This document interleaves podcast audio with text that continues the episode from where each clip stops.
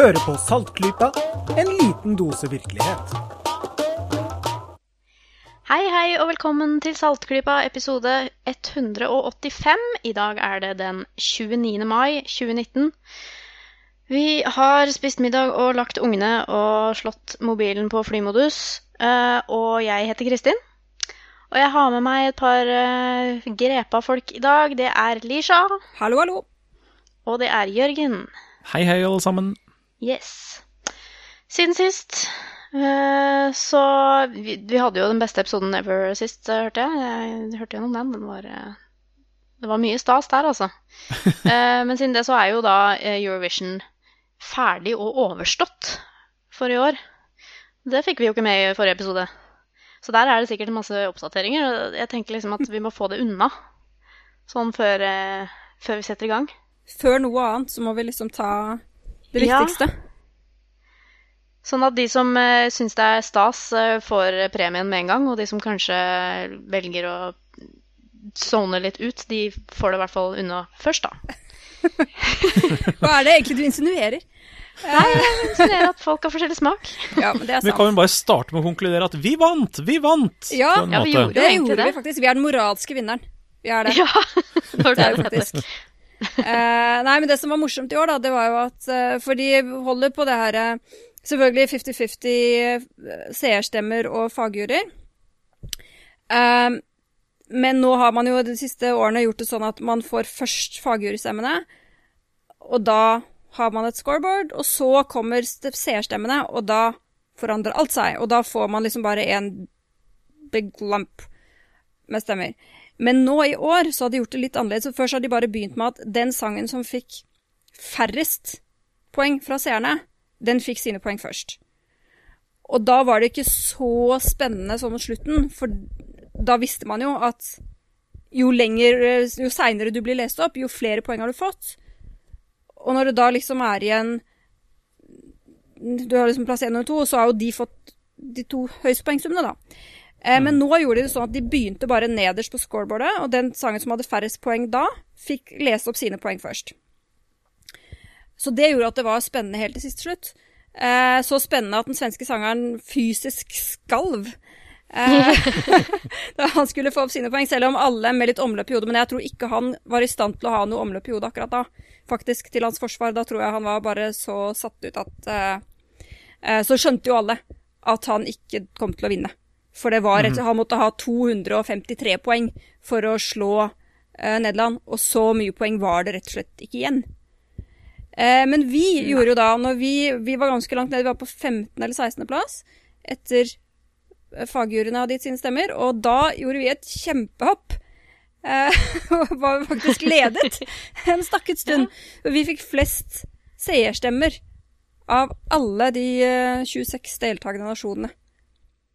Så vil du si at det, vil du si at det er eh, greit å fremdeles liksom skille mellom jurystemmer og Altså, folkestemmer, holdt jeg på å si? Fordi det blir jo litt sånn Du får jo et ganske sånn tydelig inntrykk av hvor ekstremt forskjellige kriterier ja, de forskjellige delene har. det er veldig interessant at eh, de eh, fagfolkene, og de, de fagjuryene de består da av eh, profesjonelle folk fra musikkbransjen i de forskjellige landene de representerer. Og de ser, som du sier, etter helt andre ting. Etter så totalt andre ting eh, enn det hva folk flest ser på. Eh, eller ser etter, eller hører etter, hva man skal si. Det er De, eh, de henger kanskje litt igjen fra Eurovisions spede begynnelse, eller er det litt mer sånn Låtskriverkriterier, er det ikke det de går på? Sånn Jo, det er jo en låtskriverkonkurranse, faktisk. Ja. Og da, de tenker jo åpenbart mye mer på hva eksempel, hva kan bli en radiohit, da. Hva har liksom generelt potensiale? Og det er klart at joiking er ikke det som du tenker på først. Så jeg ser jo for så vidt den. Ja. Um, men det er også veldig tydelig at der er politikken helt klar. Eh, for eksempel, vi har jo oppnådd det i Moskva i 2009, så fikk jo vi poeng fra absolutt alle. Vi fikk poeng fra alle land. For vi er et lite, ubetydelig land uten noen fiender. Så vi kan klare det. Men eksempel Aserbajdsjan kan aldri klare det. For de kommer aldri til å få poeng fra Armenia. Det kommer aldri til å skje. Fra fagfolkene. Men burde alle blokkene danne egne blokker, kanskje? Så får litt sånn blokkonkurranse i stedet? Liksom kjempe mot hverandre. at Kypros skal stemme på Hellas hver eneste gang, f.eks. Altså, kan ikke de bare være én? Ett De bidrag? får bare Da blir det kamp, altså. Da blir det virkelig, Hvis du vil bidra til fred i Europa, så er ikke det måten å gjøre det på. Det kan jeg bare si. Eh, Men nei, det var, det var morsomt å se hvor veldig tydelig det ble. Det var underholdende. Og så syns jeg også det var eh, litt gøy å se at eh, det der med at østeuropeerne okkuperer hele konkurransen, og de tar over alt og bare stemmer på hverandre, så Vesten kan ikke vinne. Altså, hvis bare fagfolkene skulle bestemme, så hadde Sverige vunnet. Hvis bare seerne skulle bestemme, så hadde Norge vunnet. Og når det ble sammenlagt, så var det Nederland som vant. Ja. Så fortell meg mer om hvordan Øst-Europa kupper konkurransen. Det er interessant. Interessant, det der. Ja, spennende. Nei, men uh, gøy med Nederland, da. Uh, jeg kan ikke si at det, det er en sang jeg hører i hodet mitt nå, uh, sånn rent radiohitmessig, men Den har nok sånn mer rent- på radiohitpotensial enn en del av de andre Ja. der, tror jeg kanskje. Men jeg tror kanskje en del av styrken som, det som gjorde at de vant, det var det at han gjorde en veldig, veldig god fremføring. For eksempel Kypros var jo også en ja, Kanskje ikke favoritt, men de lå høyt, høyt oppe på rankingen. Men hun sang jo så dårlig, og hele fremføringen var så dårlig, at jeg ble overrasket at de i det hele tatt eh, kom til finalen, faktisk. Mm. Og det har jo mye å si, for de fleste går ikke rundt De fleste er jo normale mennesker, ikke sånn som meg. De går ikke rundt og hører på dette 100 ganger før finalen. Så de hører og ser det de hører og ser der. Og da Ja. har det veldig mye å si, faktisk, hvilket inntrykk du gjør på scenen, og at du har en proff fremførelse, og at det ser bra Ja. ut, faktisk. Altså, det jeg, det jeg stemmer på, er eh, scenen, og så er det eh, originaliteten. Og det er liksom showet som helhet. Og jeg gikk og hadde Australia sitt bidrag på hjernen, eh, både før og etter. Den hadde alt. Den hadde absolutt alt. Den presentasjonen der, den var jo bare helt av en annen verden. Ja, bokstavelig Altså, den var jo helt fantastisk. Jeg stemte litt på Australia, jeg skal medgå det. Jeg ja. Du, ja, du gjør det, ja. Jeg ja, gjør veldig ofte er, De har som regel veldig gode låter, og så har jeg en drøm. For jeg, og jeg og vennene mine, da, vi har middagsselskap i forbindelse med Eurovision, og da spiser vi mat fra det landet som er vertskap. Så vi alle drømmer jo om at Australia skal vinne, for da kan vi ha grillfest. Og da skal vi dra til Nordby på Svinesund, for der selger de kengurumedaljonger. ja, Så da skal vi ha grillfest og grille kengurukjøtt. men det er faktisk innmari, eh, innmari godt hvis det er ordentlig tilberedt, altså. Jeg har aldri Ja. smakt det, Eh, så Nå har jeg jeg bare ikke. spist kenguru i Australia. Det, Ja, det jeg vil jo være Jeg har spist den frossenvaren fra Svinesund, og jeg må si at det smakte som eh, litt sånn ubeskrivelig kjøtt. Ja, nei, det Jeg hadde heller eh, kanskje muligens unnet meg, i hvert fall første gang, å finne et sted som lager det ferskt. Men ja. da må man vel kanskje Til Australia. et, lang, et langt stykke. Ja. Og bare for å gjøre det klart for seerne våre, hvis Australia en gang vinner, eller når Australia en gang vinner, for de kommer jo ikke til Ja. før de gjør det, så kommer altså konkurransen ikke til å avholdes i Australia. Nei, riktig, Rent fysisk det jeg så kan ikke konkurransen forlate eh, Europa, for det har jo å gjøre med tidssoner og sånn, ikke sant. Eh, og australierne sitter jo oppe til klokka fem og venter på å få se dette her. Så de vil, hvis de skulle vinne, så ville de bli nødt til å eh, låne en europeisk by og holde det der. For det, det, det være i en europeisk tidssone. Ja, nei, vi har vår eh, extended family på WhatsApp eh, fra Australia som eh, sier til oss at vi må ikke snakke på, til dem eh, før de har fått sett det med hele familien dagen etter, Ja, ikke sant. med barna og hele pakka. Så det, vi er snille mot dem Ja. der. Det, det er bra. Men en annen oppfølging. eh, du nevnte sist at det var en sånn konspirasjon, eh, konspirasjonsteori i Romania ja. med bidraget deres. Har du fått eh, sett det bidraget nå som eh, sett og hørt? Det som var favoritten, men som ikke ble sendt? Jeg har faktisk fortsatt ikke solet meg til det. Vi må ta enda Det har jeg. Har du det? Da kan jeg bare Ja. påpeke før du sier om det var bra eller ei, at Romania gikk altså ikke videre fra semifinalen. Så de ble da Man vet jo aldri hva som ville skjedd hvis de hadde sendt det andre, men de klarte det altså ikke med det de faktisk sendte. Men Nei. hvordan var Laura? Jeg syns jo eh, Laura, som var den som altså vant folkestemmene, eh, var kjempebra. Det var eh, en vakker, ung, vel, pur ung kvinne som sang, og det var standard Eurovision-sjanger med over i opera. Men Ja. altså Ja, ja, det er ikke noe galt i det. Hun var skitflink, det var en fin sang, og, og bare hele framføringa til totalen var eh, helt nydelig. Så eh, jeg synes, tror helt klart at det bidraget hadde slått an å komme til finalen. eh, hvis det var eh, stakkars Laura som hadde fått eh, dra. Kanskje det er noe i denne konspirasjonen allikevel? Ja, jeg lurer på det, altså. Ja, Hørte det her først. ja. Så Ja.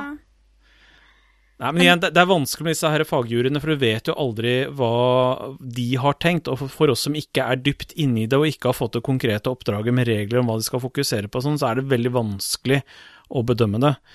Eh, Det kan godt hende de hadde veldig gode grunner for hvor det, hvorfor de bedømte Laura langt ned, men uh, uh, det virker rart, altså. Det gjør det. Ja, og det som var så påfallende for liksom, folk flest i romanen, da, var jo at i hvert fall to av de det var vel fem i den fagjuryen, de hadde gått ut og sagt at hun var favoritten deres, og de syntes hun var så helt fantastisk. Og så når de da skulle gi poeng, så ga de henne veldig lav poengscore. Um, selv om de på forhånd hadde sagt at de likte henne best. Så det er jo litt Men nå har vi holdt på i ti minutter, vi er i ferd med å bli en ny Eurovision-episode. Skal vi prøve å komme oss ja. videre? Vi vet, jo, vi, vet, vi vet jo dette fra gang til gang hvor engasjerte vi blir når vi Ja. begynner å snakke om Eurovision. Jeg må bare Eurovision si én ting, da. For vi kom jo på femteplass over Sverige, men det er kanskje noen som har fått med seg at vi har dettet ned til sjetteplass og svenskene til femte. Ja. Og bare kanskje for å forklare hvorfor det skjedde. Det var fordi at på lørdagen så var det en fagjury som ble diska. Eh, det var Hviterussland. De ble diska. Aha. Fordi det som er greia, det er at fagjuryene, de de, altså, de ser jo sikkert på på lørdag, men de, det er ikke lørdagen de bedømmer sine poeng ut fra. De bedømmer det ut fra den siste, nå vil jeg si den andre av de tre generalprøvene, som er på fredagen. Og det var jo der det ble snakk Vi klagde jo, Norge klagde, eller NRK klagde, fordi eh, skjermen gikk i svart eh, to korte stunder når Norge opptrådte, og vi ønsket å få vise vårt bidrag en gang til. Og det fikk vi da ikke. Og det mener vi jo noen at det kan ha kostet litt poeng, da. Men uansett, eh, for å da eh, få en poengsum fra Hviterussland, på en måte, så triksa de det til med noe de har i baken. Det finnes jo regler for dette her, ikke sant. Og den poengberegningen da, den ble litt grann feil. Og det var akkurat nok til at vi datt ned én plass og måtte se oss slått av svenskene på målstreken igjen. Men husk da på at av, fra seerne så fikk vi Svenske, svenske fikk 91 poeng fra seerne, og vi fikk altså 291. Ja, Så det er Europa. foretrakk Norge. Helt klart. Ja. Helt klart. Sånn er med denne saken. Sånn er det.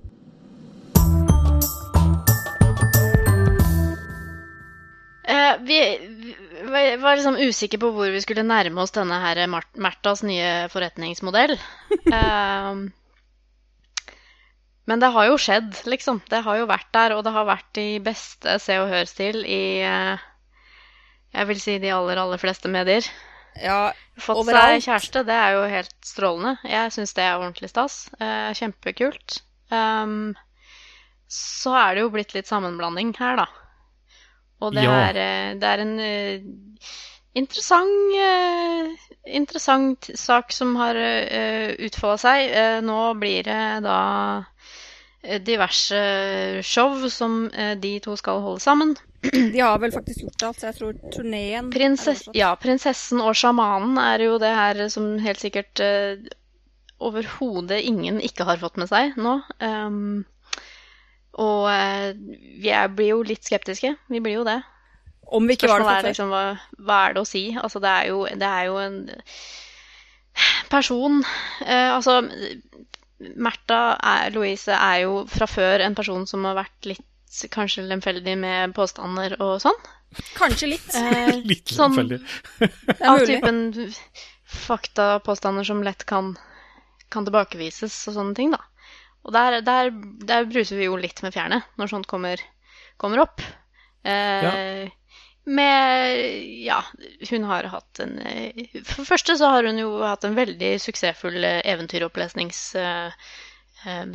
med, og, og der var hun veldig flink. Og det er en Eh, veldig fin så plutselig skulle hun da slå seg sammen med eh, en annen person og danne en skole, hvor man fikk kontakt med sine indre engler og diverse. Og før det så hadde hun snakket med de døde, tror jeg.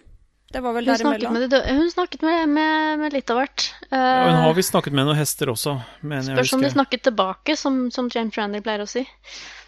Eh, men nå er han altså da inngått et eh, ja, både et forretnings- og et romantisk samarbeid med en sjaman. Såkalt. Såkalt sjaman. Eh, vedkommende påstår da å kunne både Altså, nå, nå tar jeg disse her soundbitesene fra avisene, ikke sant. Snu på atomer og gjøre at folk klarer seg uten medisiner og sånn. Og da blir jeg litt Og reversere Nei, men- aldring, var det ikke noe med det òg? Eller Stopp stoppe aldring. Ja, jo da. Stoppe aldring også. Eh, og så har det jo blitt eh, reaksjoner på at de har fått kritikk. Ja, for altså, det, det som jeg syns har vært ganske oppløftende, er at eh, det har vært ganske massiv kritikk, ikke mot at hun har fått seg kjæreste, men mot det forretningsforholdet hvor hun bruker sin prinsessetittel og, og hans sjamantittel Ja. eh, som eh, da er åpenbart reklame for det de gjør, som de da håver inn bra med penger på. Og ikke minst også hva det er de faktisk selger. Eh, fordi for min del, jeg er jo royalist på min hals, og jeg har ikke det helt store problemet. Altså, jeg har ikke noe problem med at hun kaller seg prinsesse, for hun er kongens datter, hun er prinsesse. Men å bruke det på den måten er litt på kanten, men det er også det de selger for sånne produkter. Det er jo kvakksalveri. Og det er eh, når du begynner å snakke om at eh, sant, du kan hjelpe folk å stå imot kreft og bla, bla, da er du ute i en ganske farlig gråsone, hvor du faktisk Jeg vil nesten si sånn at du leker litt med menneskeliv, altså. Hvis Ja, du får og så til å tro har vi jo det der med at jeg, som ikke jeg har eh, foran meg her nå skrevet ned, sånn at jeg kan si det veldig detaljert, men eh, det har jo dukket opp litt saker eh, hvor det har blitt bevist at han er løgner på sin hals, f.eks. Eh, type ja, veldig uærlig person, da. Og en utrettelig person som har vært veldig mye ute eh, og skrevet eh, litt saklig om dette her, da, altså det som kritikken egentlig går på her, det er jo da vår alle kjære Ingeborg Senneset i Aftenposten. Jeg syns at vi skal eh, linke til minst én av de tingene hun har skrevet om det, fordi at hun understreker jo annet det at dette her er ikke noe sånn der at vi mobber prinsessa for at hun har fått seg en rar kjæreste eller et eller annet sånt. Det er jo altså Det er jo ingen som er noe imot det. Det er sikkert det også, men uh, greia er at det, her er det liksom Her er det et forretningssamarbeid, og de selger ting. De bruker ting de ikke bør bruke, da, for alt det er verdt. Og de selger ting som ikke finnes. Og de påstår uh, ting som er beviselig usant. Uh, og det er ikke bra, det, altså. Det kan man vel kanskje konkludere med. Altså, jeg personlig tror at våre lyttere, de som selv velger å høre på Saltklypa, de har fått med seg saken. De er Ja. helt enige. Ja. Eh, og stort sett det som har vært av avisartikler, og har jo gått på akkurat den kritikken. Og jeg syns det har vært en veldig eh, klar og tydelig kritikk. Eh, Det har vært ganske ryddig. Ja, Det har vært ganske det, ryddig. Det er eh, Jeg har ikke sett noen som f.eks. har kommentert at eh, denne kjæresten har en annen hudfarge. Det har ikke vært et tema, i hvert fall ikke i, i offentlige medier. Og ja, jeg har ikke sett det heller i Facebook-feeden min at noen overhodet har snakka om det, annet enn en eller annen vits eller noe sånt noe som var litt bløt. Men eh, det syns jeg er kjempebra. Men så er det klart, det har jo kommet uh, noen som har eh, tatt prinsessa og den godeste Durek i forsvar. Og så har de forsvart seg selv. Og da syns jeg det begynner å bli litt mer interessant å se hvordan er det de forsvarer seg, og, og, og temaet. Og da går de på at de blir mobbet. Mobbet. Ja, det er jo alltid det de kommer trekkende med. Altså, i, de, i det de driver forretninger, og noen kritiserer forretningene, så, så kan det per definisjon ikke være mobbing. Det er i hvert fall sånn som jeg har forstått det. altså, de, Det når de kan har, nok være. Det er fullt mulig å mobbe folk med ting som til på overflaten ser saklig ut. Uh, men, men jeg syns den kritikken som har vært, har vært veldig ren og, og, og tydelig. Og, Ja, Saklig kritikk. Ja, veldig saklig. Uh, men dette forsvaret med å bli mobba, det har man jo sett før. Ja, og det ser man hver gang, som du sa, som det er en sånn eh, no, noen I den subgruppen som blir kritisert. Ja, så det var egentlig, hvis vi skulle snakke om det så her, så tenkte jeg at det egentlig var det som var verdt å snakke om, er hvordan man gjenkjenner den typen uh, argumenter. Og det med å bli mobba er et sånn uh, førstevalg for å avvæpne kritikk. At du mobber meg, Mm. istedenfor å svare på kritikken. Det er en avledningsmanøver. Og den er eh, velkjent. Grunnen til at den er så mye brukt, det er jo fordi den i veldig stor grad funker. Fordi Ja. mobbing, alle vet, er en forferdelig ting. Og du vil absolutt ikke bli anklaget for det, og du vil ikke at folk skal tro at du er en mobber. Men Nei. nettopp derfor, fordi det er så fælt, så syns jeg det er veldig viktig å skille mellom eh, på en måte faktisk mobbing og folk som prøver å svartmale saklig ting som mobbing. Fordi det er folk i dette landet som blir mobbet til de bokstavelig talt tar livet av seg. Og da å komme med noe Ja, som ja. ikke nødvendigvis Märtha og Durek, som egentlig bare heter noe så kjedelig som Derek. Han har bare bytta ut en bokstav for å gjøre seg mer interessant. Uh, for å få et litt mer spesielt navn. uh, de velger selv å oppsøke offentlighetens søkelys. Og da, selv om det virket som de trodde de skulle bli omfavnet med åpne armer og bare alle skulle bare elske dem for de snille tingene de skulle gjøre. Nei, men da, det kan skje. Og så kan det være at du får masse kritikk. Det kan også skje. Og du må bare akseptere at begge deler kan skje.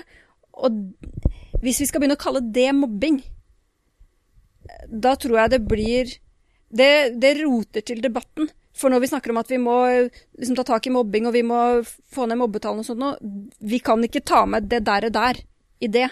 Nei. Det er bare tull. Ja, fordi det forsvarerne også eh, legger veldig stor vekt på, det er at dette her med at sjamanisme, det er jo en slags religiøs eh, gren, og så da tråkker man på religiøse tær osv. Men det, altså, igjen så er dette her veldig avsporing, da. Ikke sant? Det er selvfølgelig mange som driver og gjør narr av det religiøse og det nyreligiøse i alt dette her. Det, man kommer jo ikke unna det. Men kritikken som de har fått, offentlig og i mediene og sånn, det, det går jo ikke på Fy, du driver med religion og nyreligiøsitet. Det, det er jo det at du bruker det til å tjene penger. Ja, og ikke så rent lite penger heller. Og pluss at det er ganske kjipe påstander om å kurere kreft og sånne ting inn i bildet der. Da. Ja. Og jeg har liksom sett at eh, ja, det han driver med, det er jo ikke noe verre enn det som eh, tøyset som de på Visjon Norge driver med. Og så, da, da tenker jeg sånn at ja, men det er jo ikke ikke ille, det. det er jo rett og slett helt forferdelig, det også. Ja. De svindler jo mennesker over en lav sko. Og det er dessuten et helt utrolig dårlig argument, fordi da kan du rett og slett Ja. ikke kritisere noen ting. For det er alltid noen som driver med et eller annet lignende som også er ille. Ja. Ok, da skal liksom eh, alle religioner få lov til å stille med svindlere som lurer penger av kreftsyke, da. liksom, Ja. det Det er sånn what about-isen. Det fins noen andre som gjør noe verre, hva med dem? ja. Ja, ikke sant. Ja, nei, jeg er helt enig med deg, Jørgen. Hvis vi skal begynne å runde av den her litt, så må jeg si at jeg er, har vært så oppløftet uh, i denne debatten her og sett hvor samstemt uh, kritikken har vært, denne saklige kritikken. Uh, og at liksom hele den offentlige debatten har vært på fornuftens side, da.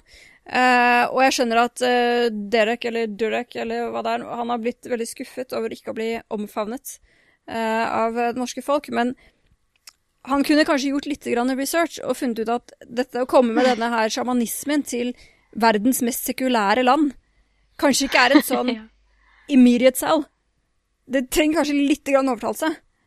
Um, Ja, jeg tror at de der er nok erfarne med virkeligheten til å vite at dette kom til å bli gedigent forsidestoff, og det tiltrekker meningsfellen deres, og dermed så er det garantert eh, reklame. Ja, det er jo en Jeg grei tror de er kyniske nok til å tenke sånn. du kan, da kan kanskje til og med denne rasende videoen han la ut på Instagram være bare et eh, reklamefremstøt, da. Vi kan kanskje nesten kalle det det. Altså, det trenger ikke å være noen motsetning mot eh, oppriktig harme og, og føle seg mobba og alt mulig sånt nå, og at de har tenkt på forhånd at eh, dette blir det bråk av, og det tjener vi på. Det er ikke en motsetning der. Nei, det er det for så vidt ikke, men eh, jeg bare, Når du sier at de er eh, liksom vel innsatt i virkeligheten og sånt og forstår hva som foregår rundt seg Jeg føler ikke at det er den beste beskrivelsen på Märtha, da. Um, han amerikaneren sikkert, men Märtha føler jeg ikke har så stålkontroll på virkeligheten som du skal til, kanskje. Ja. Ja, Det var litt grann det, det på grensen vi eh, når vi snakker sånn om eh, å si stygge ting om folk og saklig kritikk om mobbing og sånn, så det var litt grann på grensen der. Det har vel kanskje med at eh, det har vært litt overdrevent mye breaking news. Nå har de landet på flyplassen, breaking news, se bilder av Durek på Slottet. Ja. Altså, det har vel vært litt mye sånn se og hør-fokus, så man blir litt lei, kanskje. Ja, og så har det vært det fra medier hvor du forventer deg bedre. blitt lei. Hvor du tenker at eh, liksom Aftenposten kanskje ikke trenger å vente på flyplassen. Eh, for jeg føler at de til og med har sunket ned i Ja. Men eh, jeg tenker som sagt jeg skal eh, legge ut eh, noen fine kommentarer i diverse medier for, uh, i sendingsnotatene våre, så dere kan se hva vi prøvde å komme frem til her med vår lille rant.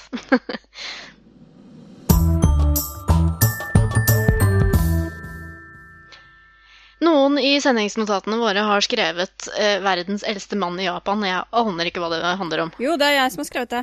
Eh, og det er en oppfølging til episoden som vi hadde for ja, nå husker jeg ikke helt hvor mange episoder siden, men det var ikke så lenge siden, Uh, da vi snakket om disse eldste menneskene i verden. Husker Ja. dere det? Og hvorfor blir folk så gamle? Og hvor er det folk blir gamle? Og Det var jo ganske mye vekslende. Men den saken her Dette skjedde for nå flere år siden, men jeg har først fått det med meg nå. Jeg syns det her var så bra. Uh, og det kan si noe om For vi snakket vel sikkert om Japan, at Japan har liksom verdensrekord i flest gamlinger og sånt nå. Um, Både, både i eh, i alder og i antall. Japanere blir Ja. veldig gamle, og så er det veldig mange De har, en av, de har vel den største prosentandelen i verden av folk over en viss alder, da. Ja, gamle Ja. knarker. Men i 2010 så var det en kar som var den eldste mannen, eller eldste mennesket, i uh, Tokyo. Han het Sogen Kato. Og han eh, var født i Dette var altså i 2010. Han var født i 1899. Så han var jo da 111 år gammel, da.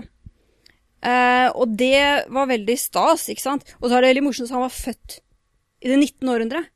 Og nå var vi i det 21. århundre. Han hadde opplevd tre århundrer. Så kult. Eh, og så Japan, det kjenner dere kanskje til, de har en eh, festdag som heter Respekt for eh, de gamle-dagen. Eh, hvor Ja. de hyller disse gamle knarkene, da. Eh, for de mener jo at eh, gamlinger vet kanskje ting som de unge ikke vet. Så vi skal kanskje dra nytte av deres visdom. Og da ville de i den, det lokalområdet der, da, i den bydelen, så skulle de jo ha feiring selvfølgelig av det. Og da ville de gjerne ha med denne utgamle fyren. De var stolte over at de hadde liksom eldste i hele hovedstaden, da. Eh, så de visste hvor han bodde, de fant ut av det, og kontaktet familien. Og familien sa nei, han skal ikke være med på noe sånt. Det skal han ikke. Så, men så kom de liksom Det var flere For de prøvde seg flere ganger, de bydelsmyndighetene. Og så var det Det var liksom flere grunner. Nei, han kunne ikke det. Han var så senil at han var som en grønnsak, ikke sant. Han får ikke med seg noen ting. Det var én ting, ikke sant. Og, og så var det at han holdt på å eh, Skal vi se, hva heter for? Det heter Sokushin Butsu. Han var jo buddhist, den fyren. Og han holdt på Det var drømmen hans, da, å bli en sånn Sokushin Butsu. Det er en eh, prosess Det har nesten aldri skjedd. Det er bare kanskje 100 personer eller noe i verden, men det er at du mediterer og faster slik at du dør av det. Og du blir altså mumifisert levende, da, nærmest. Ja.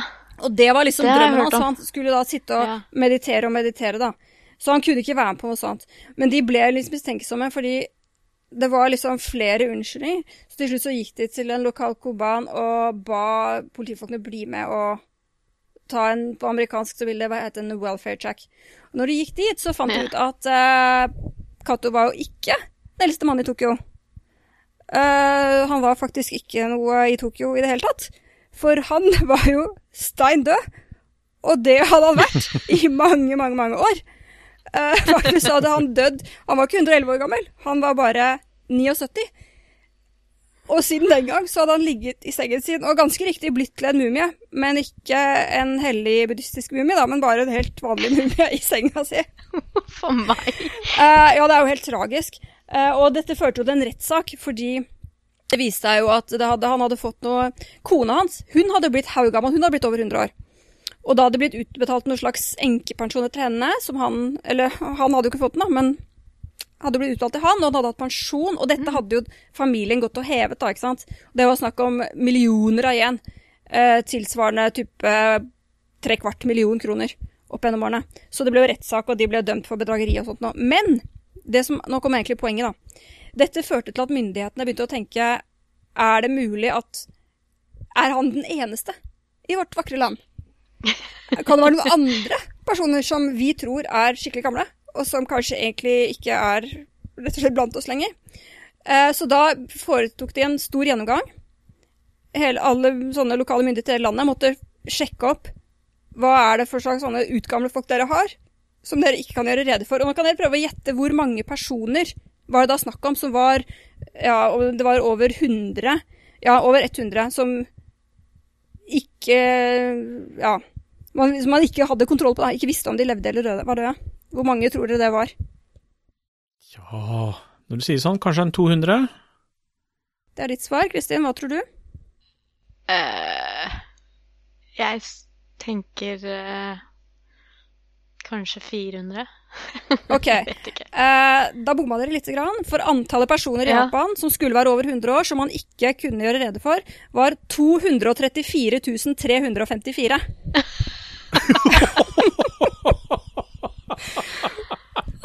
Så det var rett og slett en, en merkbar nedgang i eldrebølgen Den bare for, under den justeringen. Altså. betraktelig. Det var faktisk, og så var det veldig urimelig også at de ikke hadde Fordi blant disse her gamle, da, så var det Ja, det var flere titusener som hvis de faktisk hadde vært i live slik eh, myndighetene på, Ja. hadde trodd frem til da, så var de over 120 år gammel.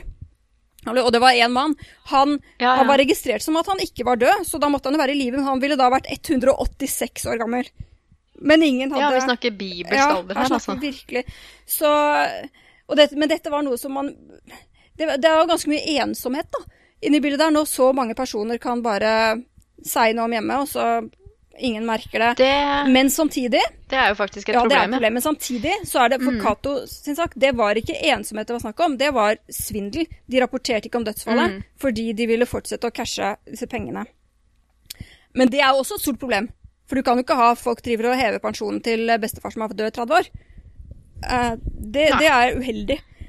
Uh, men ja, eldrebølgen uh, ble litt mildnet av dette, rett og slett. Ja, det må jeg si. Eh, så jeg vil jo tro at eh, ikke vi her i Norge har det problemet. I hvert fall ikke i den grad. Men når vi da hører om sånne, at det er liksom rekordmange gamlinger og sånt nå, så kan det være at det ikke stemmer 100% Så Alltid greit å undersøke tallene sine. det, det kan være at det er noen avvik eh, i tallmaterialet. Og det var det altså virkelig i Japan.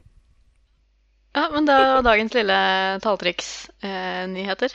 Da, mens du har snakka, så har jeg rota fram den episoden der vi snakka om det, og det er ganske nøyaktig et år siden. Jaggu er det så lenge. yes. Episode 167, Alderdom og alderdommere. Ja. Ja. Fin tittel. Det var en morsom episode. Jeg husker fortsatt den damen som ja. ble spurt om eh, hvorfor hadde hun levd så lenge. Det var Guds straff. fin holdning til livet der, altså.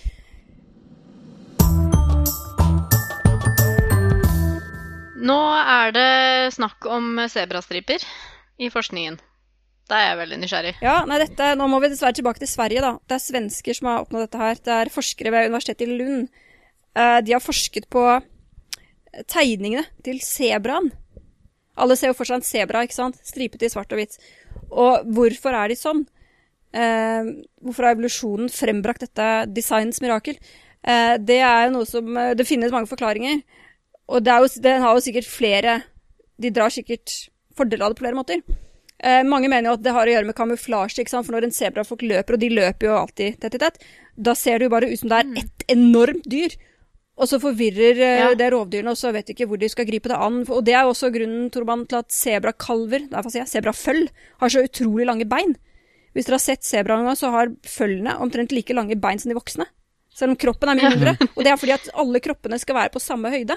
For hvis de har korte bein, yes. så ser man jo hvor ungen er. Og det skal du ikke se. Så derfor har alle bare like lange bein, og så blir det bare som en kjempeklump. Men nå har disse svenskene forsket på For en annen ting som man mener, er at det kan ha å gjøre med at eh, du ikke blir så angrepet av insekter, da.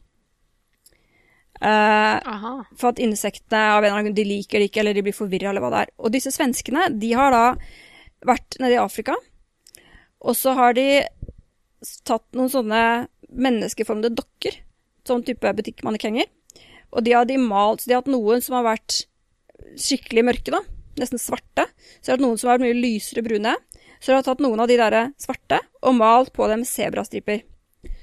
Og så har de dekt det med lim, og så har de latt dette stå ute i jeg tror det var flere uker. Da. Og så har de kommet tilbake Ja. og telt sånn øh, klegg og sånn, som hadde satt seg fast i limet på disse her. Altså dette her er sånn forskning som jeg virkelig føler Dette er det jeg vil at skattepengene mine skal gå til, altså. Nå var det svenske skattepenger. Dette er jo Men, ekte Ig Nobel. Dette her er jo helt. Men det ja. jeg fant ut da, var at det var det som de likte best. For det som er litt interessant med dette, her, er at hvis du ser på sånne stammefolk rundt forskjellige deler i tropiske deler av verden, sånn på Papua Ny-Guinea og flere steder i Afrika og sånt nå, så driver jo de og maler seg i ansiktet. De har mørk hud, ikke sant? Og de maler seg, og da er det ofte striper som de bruker. Og den derre eh, Det som var flest insekter på, det var den mørke. Og så var det færre på den lysebrune. Og så var det mye færre på de stripete dokkene. Faktisk 50% færre enn på de mørke. Oi. Og hvis du kan eh, få kleggen og myggen og sånn til å senke interessen for deg med 50 bare male på noen striper, så Da det er jo gull. For bra. det her er jo ikke bare kødd, Ja. men det er faktisk ganske viktig å hvordan beskytte seg mot insekter, for insekter overfører smittsomme sykdommer. Særlig i tropiske Mhm. land så er jo det et betydelig problem. Uh, og der har vi faktisk da noe ganske håndfast bevis. Her har man sittet og plukket løs kleggene fra limet og telt dem. Uh, og kommet frem til at uh, ja, hvite striper på svart bakgrunn, det er eh, Hvorfor det ikke er interessant, det vet man ikke, men det er ikke så interessant for insektene som om man bare er helt mørk. Ja, det er jo en, en, en, en evolusjonsmessig suksess, den der sebraen, da. For det er jo ikke mange dyr som Nei, ser sånn det er jo virkelig en suksess. Man har jo for så vidt visst det. Altså, hvis du drar på safari, så får du jo beskjed om ta på deg lyse klær. Bare lyse klær, ikke noe svart, ikke noe mørkt. Og det er jo på grunn av at insekter tiltrekkes. Eh, og enda verre hvis du har noe sånt som liksom skimrer eller gir gjenskinn. Det er jo krise, for da tror de at det er vann, og så kommer de og prøver å legge egg på deg. Uh, Ja, så det må det du bare ikke ha. Uh, men man skal ha lyse klær. Men nå er det altså enda bedre enn lyst. Er altså Ja, sebrastriper. Hmm. nice. Så sånn, jeg, bare kom på noe annen forskning som jeg ikke har foran meg. Jeg bare kom på det akkurat nå. Det var sikkert en eller annen TED-talk eller noe sånt jeg så. få høre. Hvor eh, de hadde testet eh, med å eh, male surfebrett i striper for å forbille Ja. haien. Aha. Mhm. Så det, var sånn, sånn, det, det- kan ha flere, flere mål, altså, disse, disse her stripene. For det, du har jo flere fisk også som har striper. Ja, ja, ja. Eh, Men der er det igjen da mer den der kamuflasjegreia, kanskje. At det blir, går litt i ett med skimringen i vannet ja. Men hvordan gikk det med denne, disse brettene? Hai, da? Mistet haien interessen, eller hvordan Ja, høre nei, det var visst noe, det var visst noe lovende forskning der. Jeg vet ikke om det var ferdigstilt eller ikke, men de hadde i hvert fall trua på at det var veldig bra altså, mot, eh, mot hai. Men der ser man. Ja. Selv om det skal sies Skal se om jeg finner Ja, noe på det. Jeg skal bare skyte inn det at haiene er ikke våre fiender, det er vi som er deres fiender. De dreper noe sånt som Det fem jo- av oss eh, i året, og vi dreper liksom 10 000 millioner av dem. Vi er veldig slemme mot dem. Millioner, ja. Eh, og dette, og jeg føler meg litt truffet av dette, fordi grunnen til dette Det er en mann som ligger bak, og han ligger også bak min yndlingsfilm gjennom noensinne. Dessverre så er det 'Haisommer', som er Det kilden er det. til dette haiholocaust som vi eh, Ja. dessverre står bak. Og jeg elsker den filmen. Det er den beste filmen som noensinne er laget. Så ja. Ja, det er. Det, det er veldig leit. Jeg klarer ikke å slutte å se på den, men jeg har dårlig samvittighet. Jeg syns den er gørrkjedelig, men det er nå meg. Uh, Nei, men det er litt interessant. Jeg vil tilbake til sebrastripen, jeg. Ja. Uh, for, altså, for det første så er det jo gjort ganske mye forskning på hva disse stripene er for noe. Har på en måte funnet løsningen ymse ganger. Men eh, så, så hver enkel sånn sak tror jeg kanskje ikke er svaret. Eh, men hvis du tenker revolusjonsmessig, da, så er, eh, er det jo sånn at eh, når en ny egenskap oppstår, så er det jo som regel en tilfeldighet at man har én egenskap som viser seg å ha en annen fordel, og så blir den egenskapen da dyrket fram ekstra pga. en annen fordel. Og på den måten så kan noe som starter som én ting, bli til en helt annen funksjon etter hvert, sånn på lang, lang sikt. Eller det kan vise at det har flere funksjoner. Nemlig, og det tror jeg Men altså, det er parallelt, det henger sammen. Eh, det kan godt være at de stripene, som da er en uvanlig genetisk ting, eh, har vist seg å ha flere fordeler. At den både gjør det vanskelig for eh, rovdyr å angripe flokken, og at det er vanskelig for insekter å liksom skjønne hva de greiene der er for noe. Det er jo egentlig samme funksjonen. Altså det går sannsynligvis da på syn. Eventuelt eh, hvordan man oppfatter varmestråling fra dette her virvaret av striper. Et eller annet sånt kan vel være inn i bildet for noen insekter. Eh, men som da er en beskyttelse for helt forskjellige dyr. Eh, kanskje. Ja. Så det er litt sånn artig. Det er det. Nei, men sammensatt Ja. er det nok Jeg syns bare den forskningen som ligger bak dette er så morsomt. Vi, liksom, vi tar med oss utstillingsdokker til Afrika, og så pensler lim på Ja. dem og setter dem utenpå savannen, og så kommer vi tilbake en måned seinere og plukker av klegg og teller. Klegg på Det er bare det, Sånn skal det gjøres, altså. Ikke sitte foran Ja, det PC-en grenser bare opp til eh, bra Ig Ja. Nobel, dette her, altså. Spørs om ikke det kommer med. Det med limfeller er jo eh, veldig, veldig kjent og vanlig. Det er jo sånn man ja. sjekker om man har eh, ymse kjipe insekter i huset sitt og sånn, er jo med limfeller. Så det er jo helt vanlig teknikk, egentlig, da. Og det var jo noe som eh, Det er sikkert mange som leste om limfeller i forbindelse med den grymme varmebølgen eh, i fjor, som førte til så mye insekter. Folk viste frem disse limfellene sine hvor de hadde fått samlet liksom eh, 4000 klegg på en halvtime. Og sånne grusomme syn som det. Så det kan brukes i så mangt i alskens deler Ja. av verden. Men det er morsomt. Slik forskning vil jeg ha mer av. Vi liker eh, underholdende dyreforskning. Det er bra. Vi gjør det.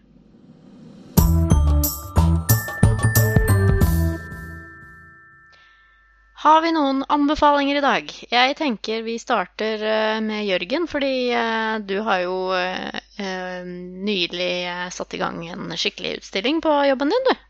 Ja, eh, vi masseproduserer utstillinger om dagen, og den som nylig er åpnet, og som vi er veldig fornøyde med, er en utstilling som heter Leikmout. Jeg tror i hvert fall det er sånn det uttales. Det er jo ikke godt å vite.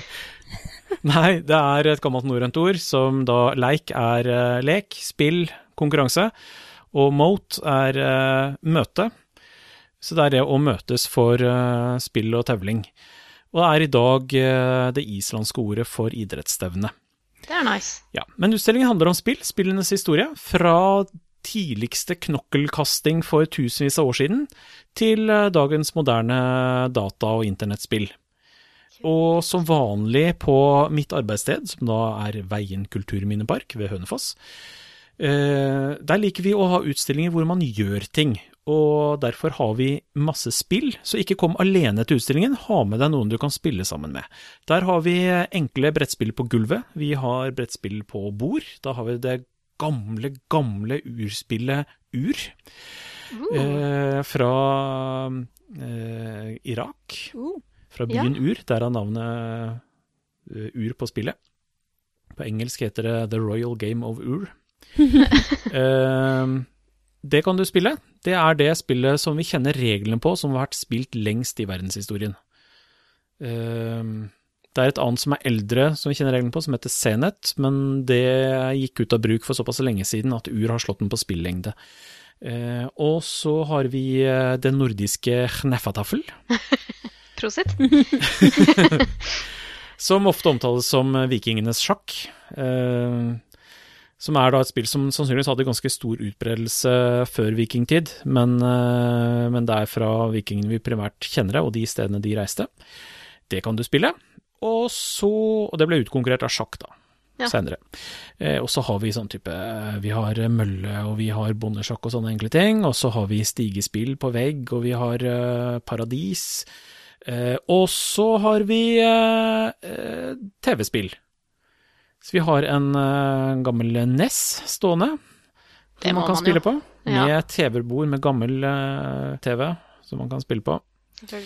Pluss utstilling da av ymse spill og masse dataspillting og rollespillting og, og ja. Det som er.